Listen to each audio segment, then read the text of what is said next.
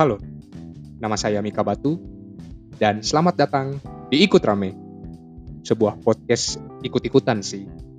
Ya, semoga konsisten lah ke depannya. Oke, mari kita mulai. Christian Cesar, lama tidak berjumpa.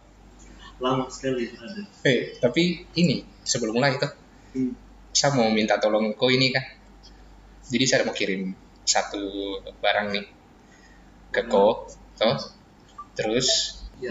coba tes bacakan itu seperti saat dulu kau waktu di apa namanya nih? TVRI Sulut gitu. Karena kan karena kan lama sekali bro. Lama sekali. Iya tidak. Pasti ada lah. Kemampuan-kemampuan gitu pasti masih ada lah. Karena tem tahu lah dari zaman zaman SMA dulu kan kau memang terkenal dengan apa namanya orang yang selalu tampil tuh. Suara pasti enak gitu. Kau suara tuh tipikal tipikal tipikal tipikal penyiar sebenarnya? Hmm, kayaknya cocok. apa? Tapi kan dulu pernah jadi anak band. Anak band ya Yo, eh dulu dia fans banyak di sekolah. Astaga. Anak-anak kelas 1 tuh kakarian kakarian anaknya mem katuk. Rata-rata semua di Agustinus tuh apa? Bosku semua. Iya weh. Kau punya mampu anak murid Pemirsa, baru-baru ini telah terjadi kasus penipuan yang berkedok saham online di Kota Sorong. Pelaku telah membawa dana nasabah saham perusahaan fiktif sebesar 250 juta rupiah. Adapun dana-dana tersebut merupakan simpanan dari 25 nasabah yang telah terdaftar sejak Januari 2021 lalu. Diketahui pelaku tersebut berdiri putih, lucu tapi tak terlalu tinggi. memang Sudah. Lama sekali lama sekali. memang news anchor terakhir, terakhir tuh reporter. Oh yang berita satu? Ah, ah. itu Jakarta kan? Terakhir berita satu Jakarta. Bro aku kan eh, pernah punya pengalaman jadi sebenarnya apa sih bilang? Anchor kah? Atau news anchor? Penyiar berita nih. News anchor. News anchor kah Ah, news anchor ini kan pernah dulu waktu di TVRI Sulut iya eh itu tuh dimulai dari mana tuh? Karena kan setahu saya memang kok S1 hukum tuh. hmm. Bagaimana tiba-tiba habis S1 hukum, S2 juga hukum, S2 hukum S2 hukum tuh. Tiba-tiba langsung dapat channel ke TVRI itu. Nah, itu bagaimana cerita tuh? jadi dia punya cerita itu Hah? kan semenjak kuliah semenjak kuliah S1 itu kan ada lomba-lomba Hmm. biasa ini pas hari itu ada hari jurnalis hari pers Ah, hari pers nasional ah. lalu di Mantos itu di Manado bro Oke, oke. ada buat eh, lomba lomba presenter Ah, jadi SCTV buat lomba presenter lalu coba-coba ikut oh, Coba-coba oke. ikut. Terus? ingin tampil toh Ah. di depan jadi coba-coba ikut jadi juara dua Pada saat itu. iya SCTV Ghost to Campus yang lalu. Oh, oke, terus? juara dua. Lalu di situ sempat dipanggil di SCTV Ah, tapi kan waktu itu masih semester 3 kalau tidak salah 3 atau 4 hmm. jadi Mace bilang kuliah dulu baru bisa kerja. Jadi ya sudah. Jadi saya cari-cari dulu aduh ini saya suka sekali untuk jadi presenter atau Ah, reporter lah. Ah, nah di situ cari-cari cari-cari di TV-TV di Manado ini ah. dapatlah TVRI itu stasiun Sulawesi Utara Kau cari sendiri? saya cari Oke, cari terus? sendiri lalu cari-cari tetapi mereka bilang situ pas waktu itu saya tanya saya pergi di kantor Ah, dong bilang belum buka penerimaan ah. ya ditunggulah di situ Oh. tunggu-tunggu berapa bulan kemudian ada lomba lomba presenter Ah, presenter eh, reporter Hmm. yang dibuat oleh TVRI Solo Oke. Nah, buat ikut lagi di situ Oh, kedua kali nih. ikut lomba Ah, ikut lomba untuk kedua kali dites di situ ah. pas tes tidak dapat juara Oh, terus? tidak dapat juara baru saya bilang gini bahwa masa saya tidak dapat juara tuh Ah, ah. saya bilang oh ya nanti satu, satu kali saya akan jadi penyiar di situ. Ah. biasa tidak dapat juara di lomba Ah, tapi saya uh, optimis bahwa suatu saat saya pasti masuk TVRI di situ. Oke. ah setelah itu beberapa bulan kemudian saya lamar bawa lamaran. TVRI lagi. nah TVRI pas itu sudah akhir-akhir semester kan Pak? Ah, bahwa di situ setelah itu casting. Ah. casting. Jadi casting baca berita kita dubbing berita. Oh. Nah ada proses itu- itu juga ya? Lewat Ah. proses itu juga ya? Jadi casting di studio begitu. Ah oke. Dengan beberapa peserta ya anak-anak Manado lah. Ah. Nah, setelah itu sudah setelah beberapa kali casting, jadi casting itu ada casting bawa berita, ada kita bawa acara uh, musik, ada acara jalan-jalan, lalu daber juga. Nah di situ. Nah setelah itu diterima, hmm. diterima kita di situ ada sekitar 50 kurang lebih 50 lah peserta Hmm. yang diterima di situ dua orang. Jadi saya lalu ada yang Teman perempuan satu. dari 50 yang kepilih cuma dua Ah, ah. puji Oh. Tuhan. Jadi dapat ya diterima di situ. Tapi memang kok sudah eh, aktif untuk ikut tampil semenjak SMA sih kelihatan makanya tidak kaget kalau tiba-tiba kayak tuh ngeliat ih Rian Cesar sekarang sudah jadi penyiar berita ya Sama itu cuma ikut-ikut saja band dan Dong Alvin ke Giver. Nah itu sudah, maksudnya ya dari situ langsung kelihatan tuh. Tapi eh, sebenarnya dia punya proses waktu jadi penyiar toh, itu Ah. tidak ada syarat-syarat tertentu kah? Misalnya kayak,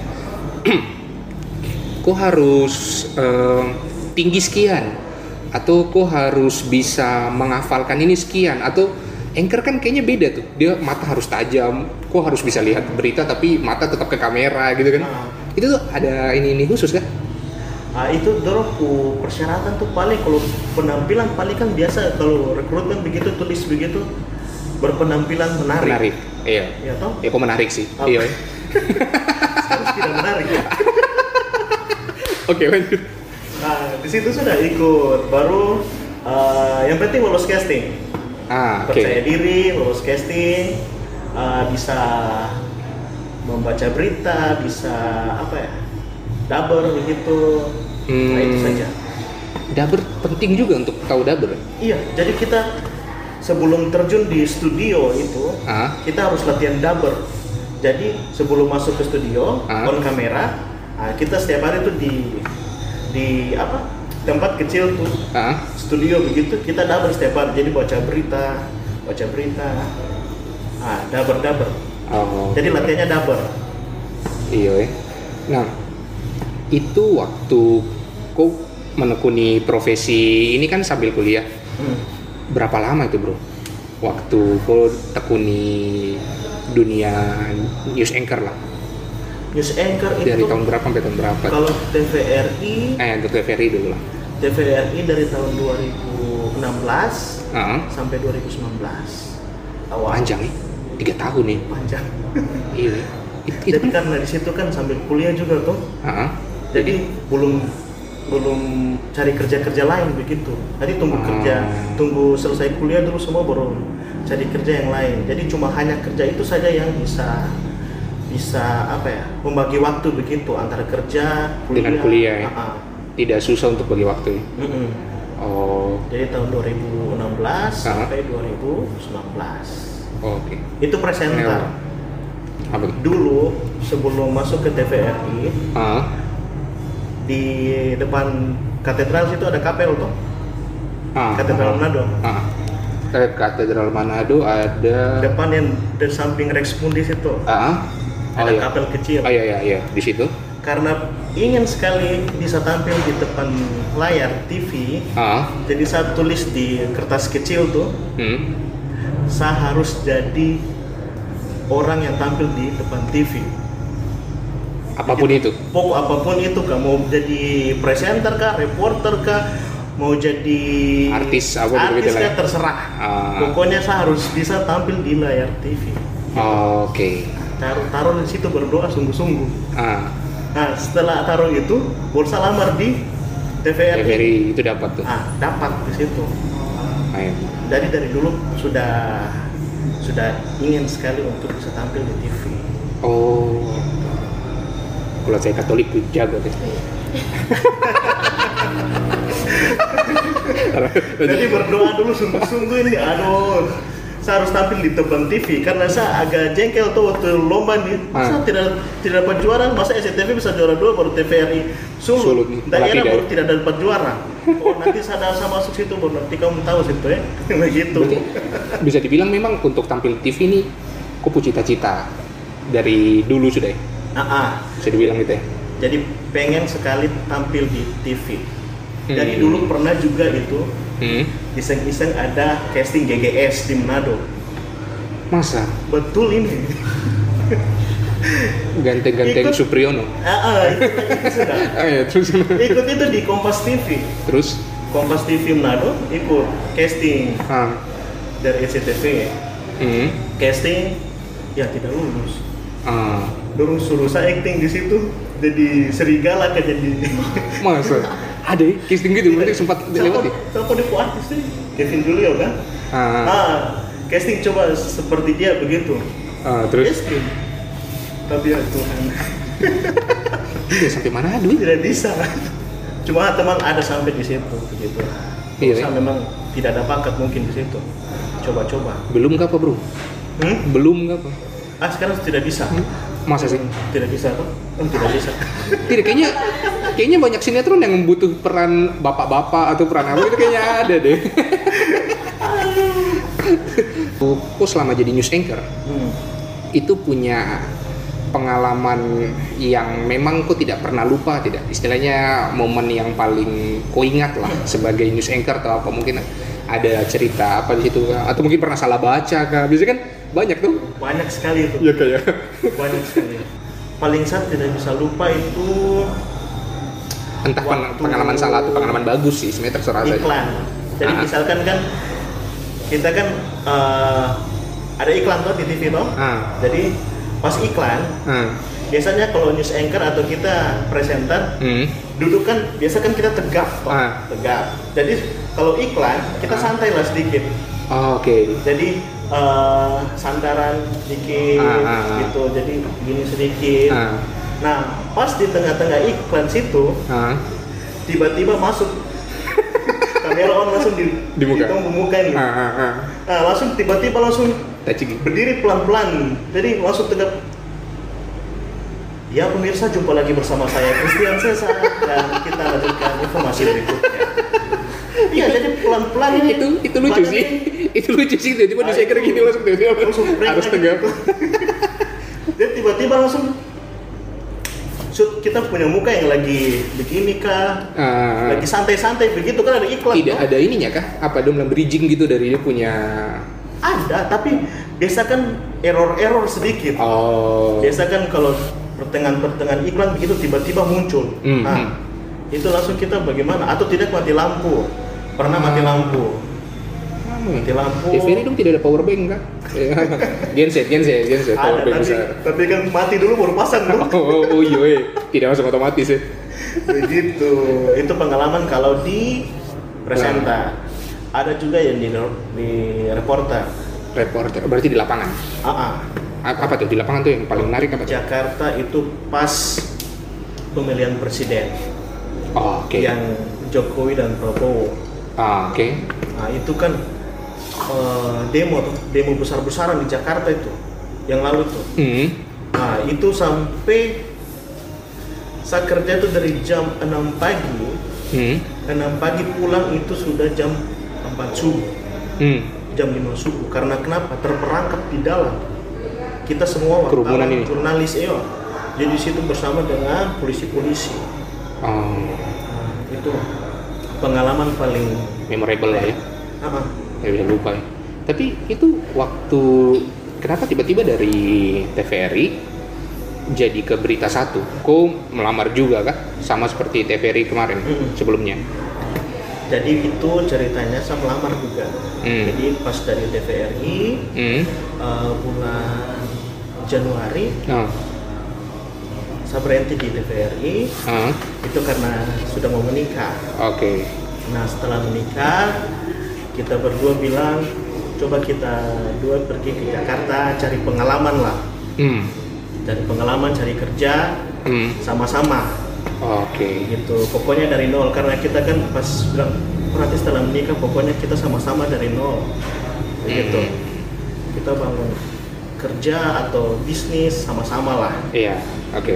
nah itu kan lebih happy lah toh Iya. dari bawah sama-sama Ah, nah pergi ke Jakarta lamar lamar di berita satu oke. berita satu di situ juga prosesnya panjang jadi Hmm. casting lagi Hmm. masuk lamaran dulu lalu dipanggil interview lalu casting Hmm.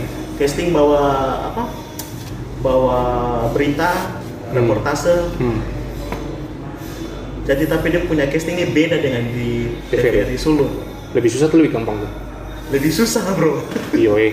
pusat punya nih. baru depo gedung saja ini di- yang biasa di mana gedung cuma kecil-kecil sampai di sana nih Gedung-gedung cakar langit semua. Ah, baru casting ini Hah? saya harus berdiri di tengah-tengah apa biasa kan kalau di berita-berita ada dia punya newsroom Ah, iya iya. ah redaksi lah begitu Ah. besar sekali jadi saya berdiri tengah-tengah itu baru reportase.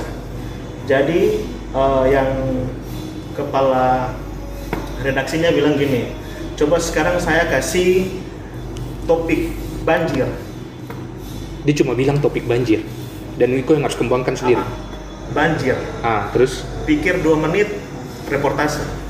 Gila. jadi terserah mau susunnya itu eh, di tempat di mana kejadiannya bagaimana. Ah, nah itu harus cepat-cepat pikir itu ah ini apa ya nah, pakailah rumus lah biasa kalau di sek- di sekolah tuh 5W 5W 1H 1H. begitu Para rusun, I love you.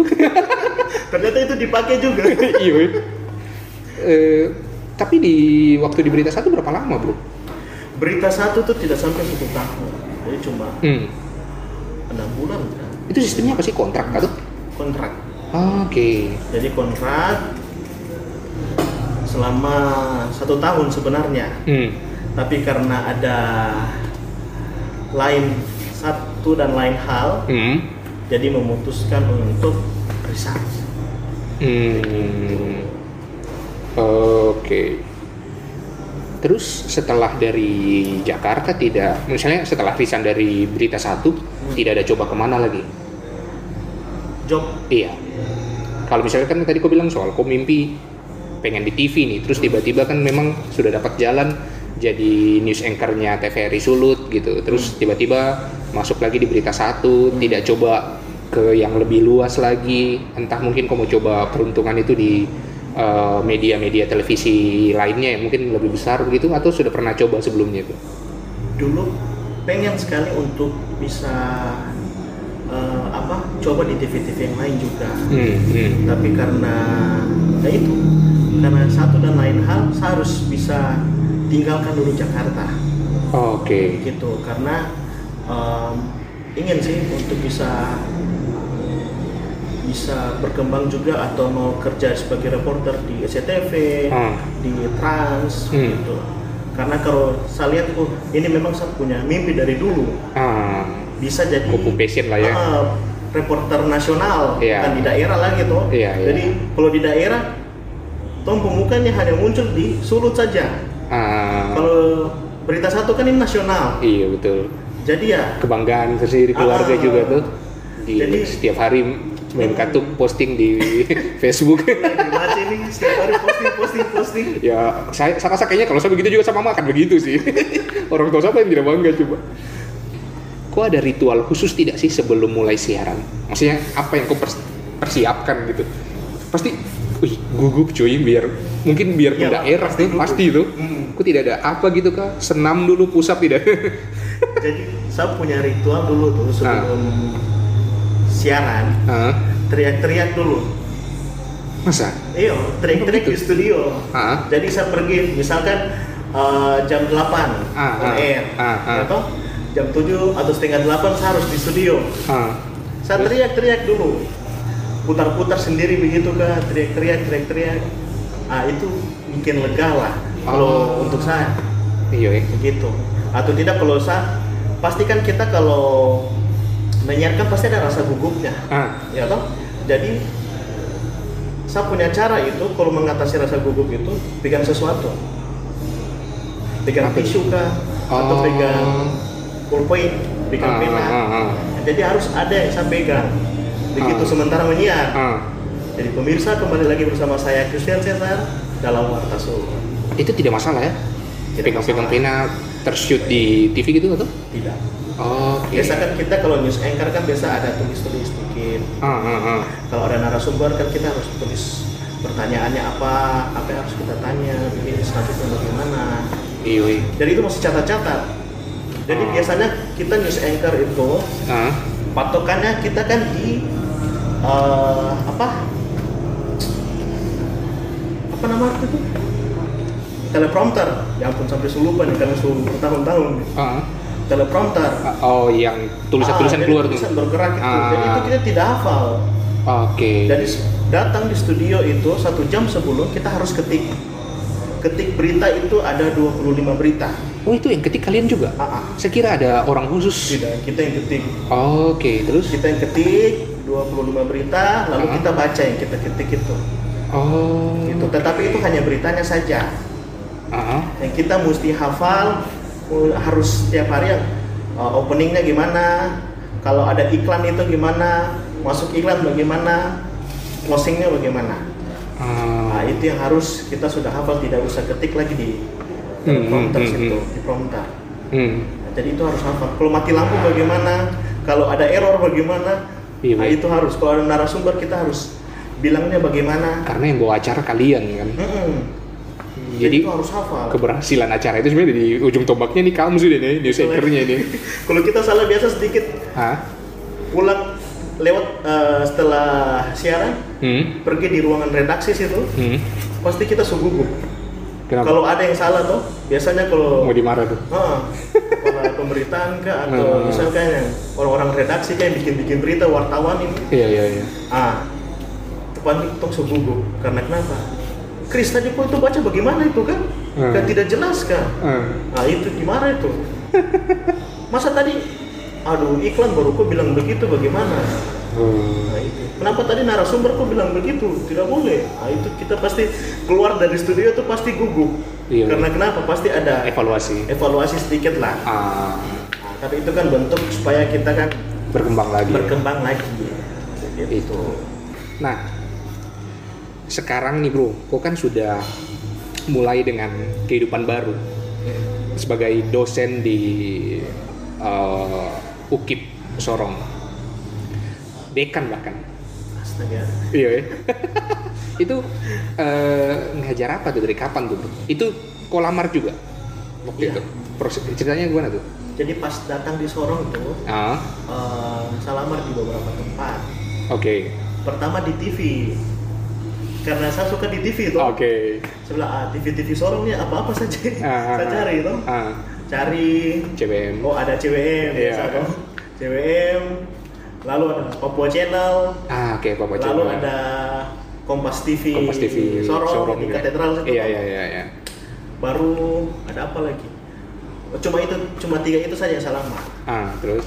Tiga itu saja yang saya lamar, baru dipanggil lah di CWM, Hmm. di CWM. Tapi di situ saya ada kasih masuk juga di beberapa kampus toh. Oke. Di UKIP, lalu di Nani Billy itu tadi. Victory, Nani Billy. Ah, Kasih masuk lagi di situ. ah. Nah itu beberapa tempat yang saya kasih masuk di Sorong. Hmm. Tapi yang pertama itu saya tertarik di TV. Hmm. Di TV dipanggil di situ. Tetapi pas lagi dipanggil di kampus juga. Oke. Jadi saya harus pilih nih. dilema juga nih. Ah, saya pilih ini harus saya mau kerja di mana ini? Ah, Di CWM ah. atau di Ukip. UKIP. Ah, Jadi di situlah saya pilih di UKIP. kok oke. Saya bilang oh sudah nanti saya jadi dosen, Ah. mungkin mungkin saya part time begitu kah Ah. atau dipanggil panggil saja pas ada Lagi- perlu ah. begitu ada acara atau bagaimana Ah, saya ke TV oh. gitu tapi untuk pekerjaan yang saya pilih itu pertama Ah. UKIP. Oke. Hmm. Berarti itu sudah dari tahun du- 2019.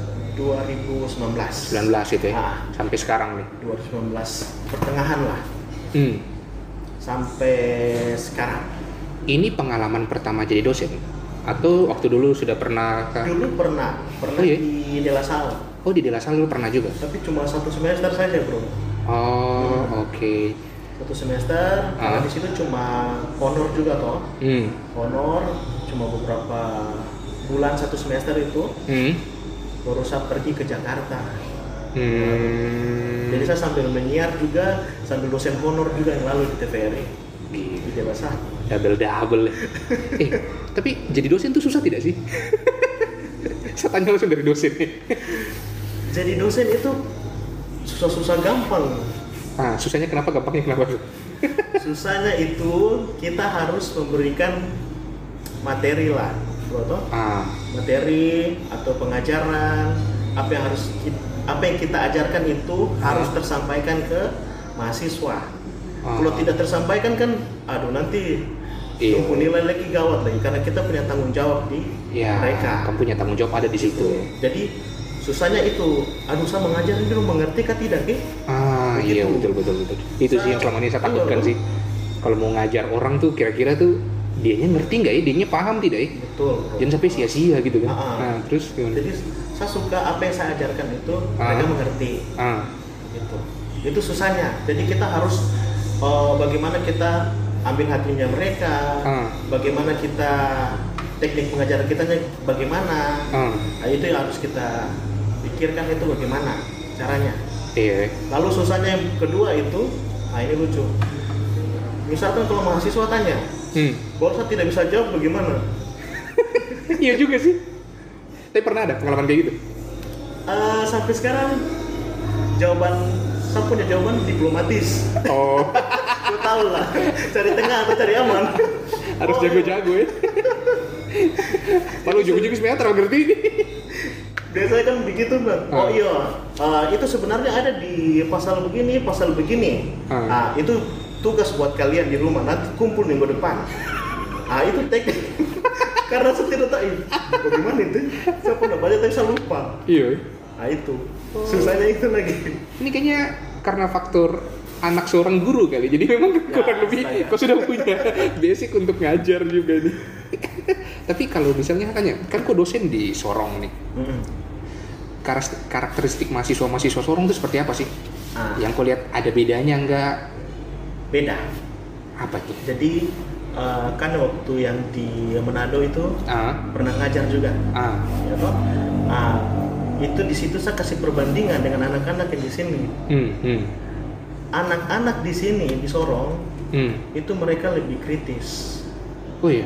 pemikirannya lebih kritis mereka eh, jago dalam berargu- berargumen Ah, nah, mengeluarkan pendapat Oh iya? mereka jago oh iya. Justru lebih jago anak Sorong. daripada Manado Oh iya. Manado itu Hmm. kalau jamnya udah selesai jam ngajar toh Ah, selesai pasti eh, ada pertanyaan misalkan begitu tuh biasa dosen ada pertanyaan nah, mereka bilang ah, tidak ada sir hmm, Ah, sudah pulang sudah hmm, nah sudah kalau di sini sampai lewat-lewat jam lagi hmm. dan tanya terus Oh iya. Mm-mm. anak-anak khusus di daerah timur sini tuh Ah, ah. nah, itu pemikiran-pemikirannya kritis Punya Mereka rasa ingin tahu yang besar ya. ah, ah. rasa ingin tahu yang besar daripada Manado Oh iya. Ah, ah. Wah, Manado tuh kalau saya tanya ada pertanyaan tidak ada mereka cepat eh, mereka suka cepat pulang kan begitu Oh, jadi langsung skip skip saja gitu ya. Hmm. kalau di sini mereka jago lah dalam hal-hal itu Kalau kau punya metode ngajar tuh ada metode ngajar khusus tidak sih? Yang kau bikin? Mungkin- Karena kan kalau kita dulu zaman-zaman kuliah kan Ah. ada yang bilang, eh dosen ini boleh pang bye-bye atau eh ini ini dia kok dosen killer. Kayak gitu tuh. Kok, kok termasuk yang mana nih? dosen bye-bye mungkin Oh iya. iya. Masa sih asal mau tanya dulu. bye karena, bye. karena saya itu lebih lebih Hmm. Pendekatannya ke mahasiswa lebih apa ya Deep. lebih iya Iya, lebih dalam lah Ah. lebih dekat begitu Hmm. saya bilang ke mereka kalau kalau ada pertanyaan kalau Hmm. ada apa yang susah ah itu Ah. tanya saja Ah. tidak usah malu-malu Iya, iya. datang saja ke ruangan tanya Ah. begitu jadi saya saya ingin lebih dekat dengan mahasiswa Oh, Gitu. Oke. Mungkin kalau dosen-dosen yang lain kan mungkin killer toh. Iya iya. Telepon sedikit marah. Marah. iya iya. WA sedikit tidak balas cuma baca saja. Ah toh ah. kalau saya bilang oh datang sini. Begini begini. Lebih dekat lah. Ah, lebih eh, pendekatannya lebih ke apa ya? Pokoknya supaya mereka nyaman lah. Iya, iya. Kalau itu kayaknya saya percaya sih karena memang kok punya karakter dari dulu kelihatan seperti itu baik-baik. Mungkin kalau saya, mungkin kalau saya mungkin saya akan jadi dosen killer nih kalau saya. Bedanya tuh orang di situ. Tapi eh eh, apa namanya waktu ngajar itu bareng istri juga. iya sama-sama Itu, kita waktu itu dosen. dosen ya. Ah, Ah, sampai sekarang sampai Masih. sekarang hukum dua-dua ya. hukum enak ya relationship goals. Jadi kayak mau ke kerja sama-sama gitu. Tujuan tempat kerja sama pulang juga baru. Tapi biasanya kalau pasangan dua-dua hukum ah banyak pendapat. Jadi oh satu pendapat begini dia pendapat begitu. Iya ya. jadi kita saling-saling oh kalau ada berita ini? Ah itu sebenarnya harus begini. Ah tidak sebenarnya harus begitu. Oh menurut pasal ini nggak bisa. Nah, itu itu kalau anak hukum dua-dua kalau buku dapat begitu iya ya. jadi satu dua tiga orang hukum itu pendapatnya berbeda-beda pasti. Gila itu kalau misalnya tiba-tiba kok eh Ma itu suruh kok buang sampah terus kok lupa dia kenakan pasal tidak sih karena hukum. dia cuma dia diam satu hari saja. Karena hukum jadi kalau ngambek sedikit langsung kasih somasi ke apa gitu tidak? Tapi eh, kan menikah kan eh, 15 Februari. Ya. 2019 Eh, ketemu di mana sih? Manado pasti. Berarti waktu itu sama-sama kuliah kan iya Manado di masa sarjana. Ah Unsrat punya. Unsran oh. gitu. Jadi teman Jadi kelas gitu ceritanya kita kalau di S2 kan itu kan ada regular 1, ada regular 2. ah Kalau dia hmm. Eh, regular 1, Ah. saya dulu regular 2. ah Jadi kalau regular 1 itu biasanya anak-anak muda lah yang baru lulus lanjut S2 yang tidak ada Oh, kerja, dibedakan ya? belum ada kerja. Ah. Ah, kalau kita yang regular 2 Ah. kebanyakan orang kerja. oh Jadi ada yang hakim, jaksa ah, gitu. sama-sama di situ ah.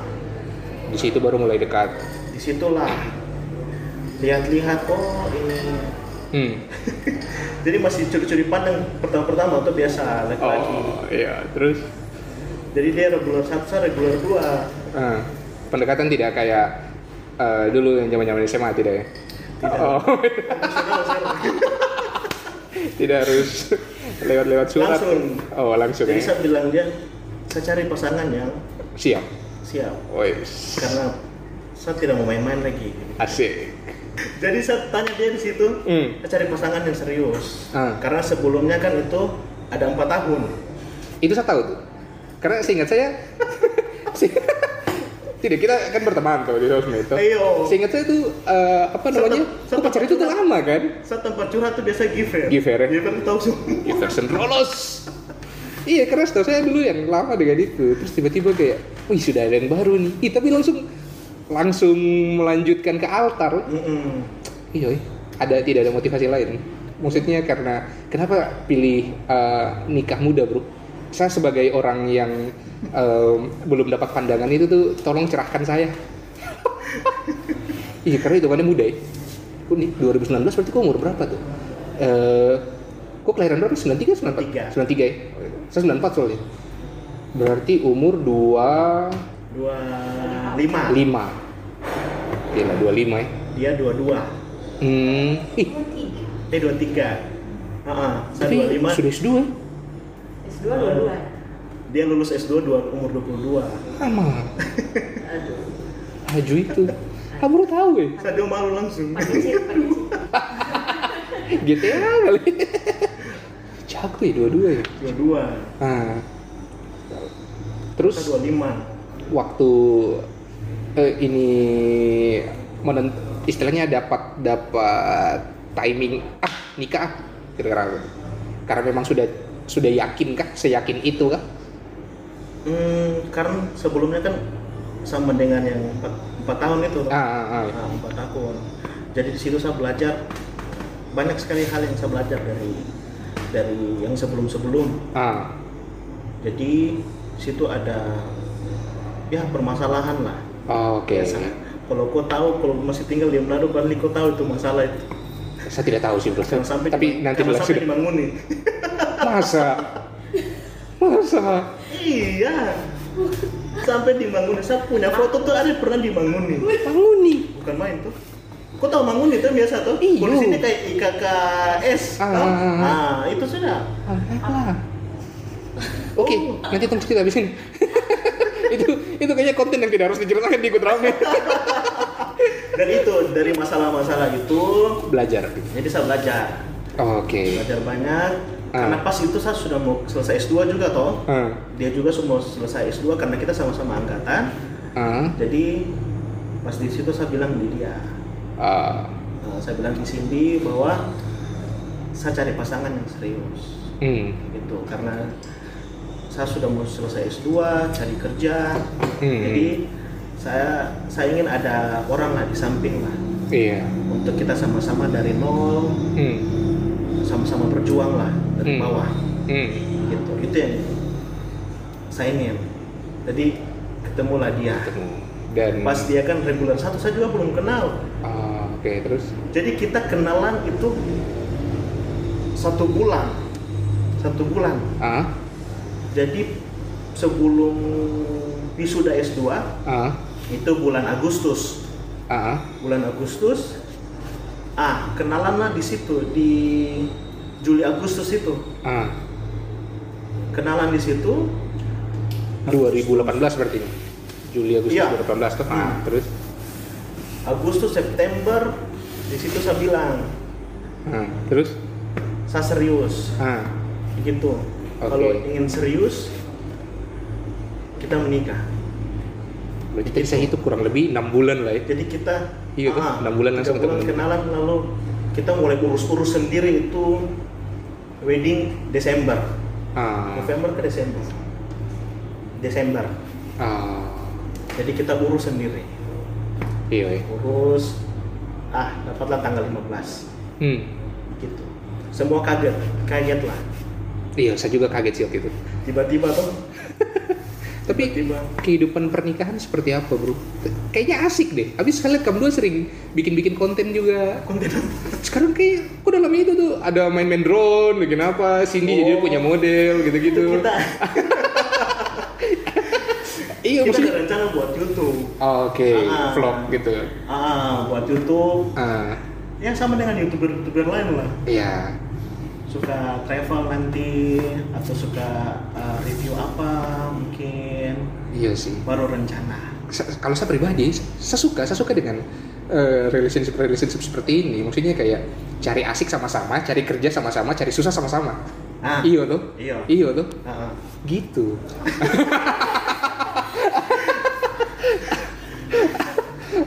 jadi jadi begitu bro jadi uh, Ada suka dukanya lah ini Budha nih. iya pastilah Iya. iya. pasti karena orang itu biasa lihat kita berdua Nah, sepertinya happy happy terus toh di Ah. media sosial iya. buat apa kita kasih tunjuk yang susah Betul. Iya toh Betul. jadi kita kasih tunjuk yang Yang happy-happy lah, iya sih. Ah, jadi kita ada ke mana atau ada buat apa kita tunjukkan itulah Karena emang pada dasarnya sosial media emang untuk pamer sebenarnya.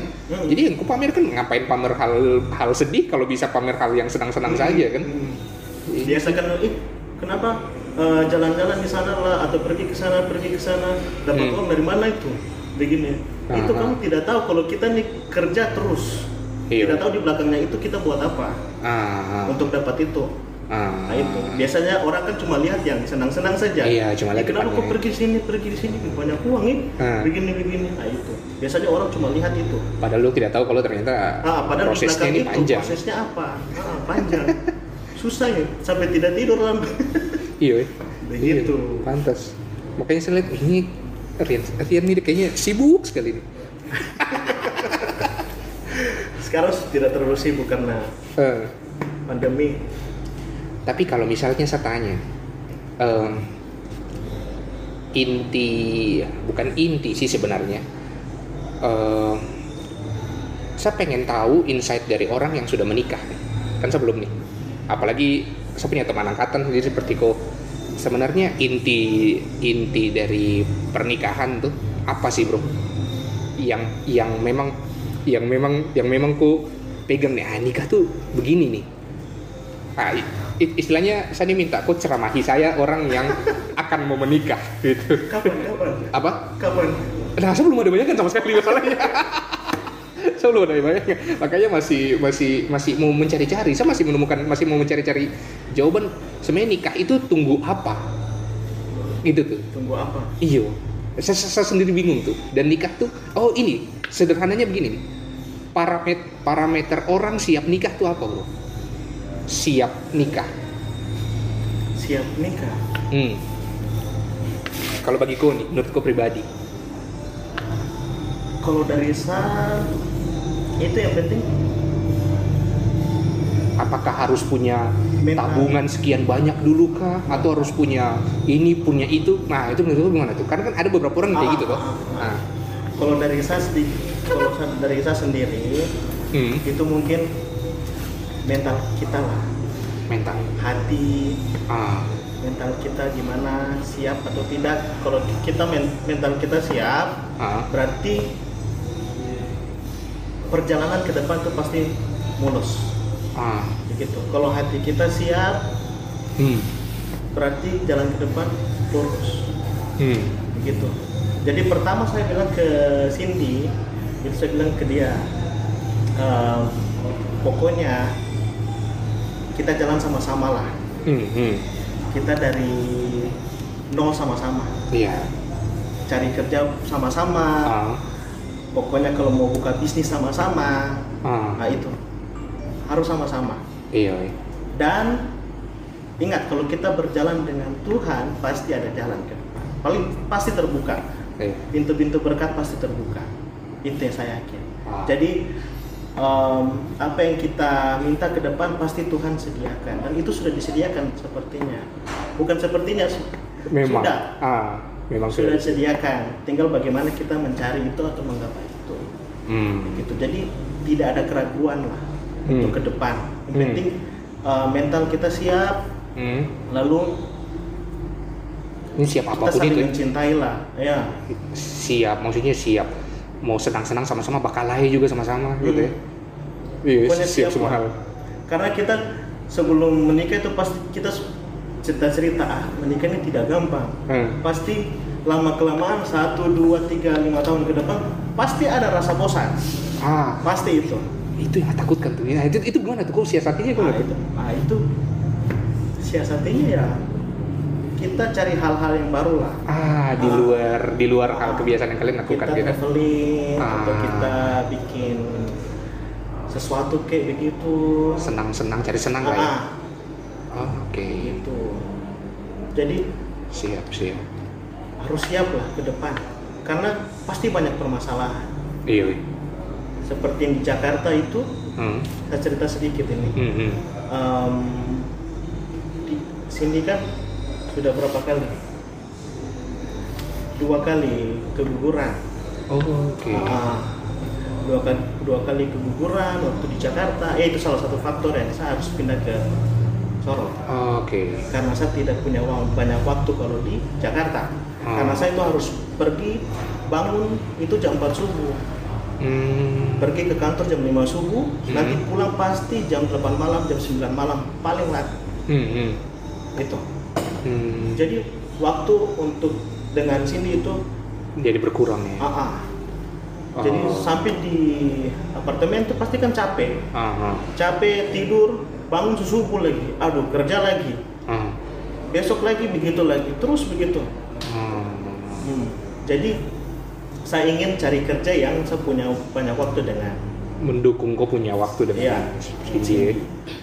gitu Oke, itu oke. salah satu faktor ya ayo permasalahan bukan permasalahan sih mungkin Tuhan belum kasih sekarang tapi Hmm. nanti Iya. ketika kita sudah siap karena Tuhan yang memang tahu kalau kita siap atau tidak Ya. untuk hal itu Ah.